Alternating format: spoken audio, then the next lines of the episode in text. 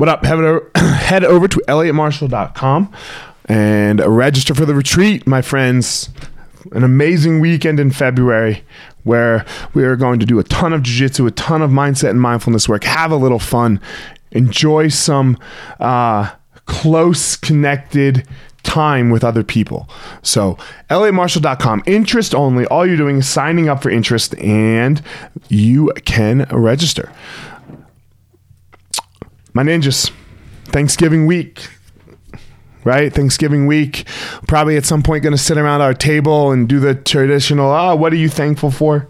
You know, what are you thankful for in your life? Um, and I, sorry, I think that's amazing. But I'm going to challenge you on Thanksgiving to never stop that day. Notice every single day what you're thankful for. Start every day with gratitude. Start every day with gratitude. But before any actual thing happens, start every day with gratitude for your family, your wife, your kids, your your your job, your problems. You know? Thank thank God, whatever God you believe in, you know, that you have issues in your life. That means you're alive. Can you actually learn how to be thankful for them? It's tough. It sucks. Can you say thank you for that bullshit? Why? Why is becomes the question. Because that's where all of the growth is.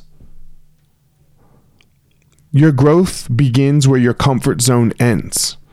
So every everywhere where you don't like something is where you are actually have the possibility of growing. We don't like them in the moment. None of them are fun in the moment. They're fucking terrible in the moment. But but I want you to think back to all of the places in your life that uh, that have been prosperous, that have been good.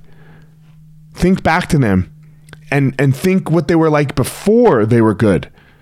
Before they made you money, before they made you happy, before any of that stuff. It's hard.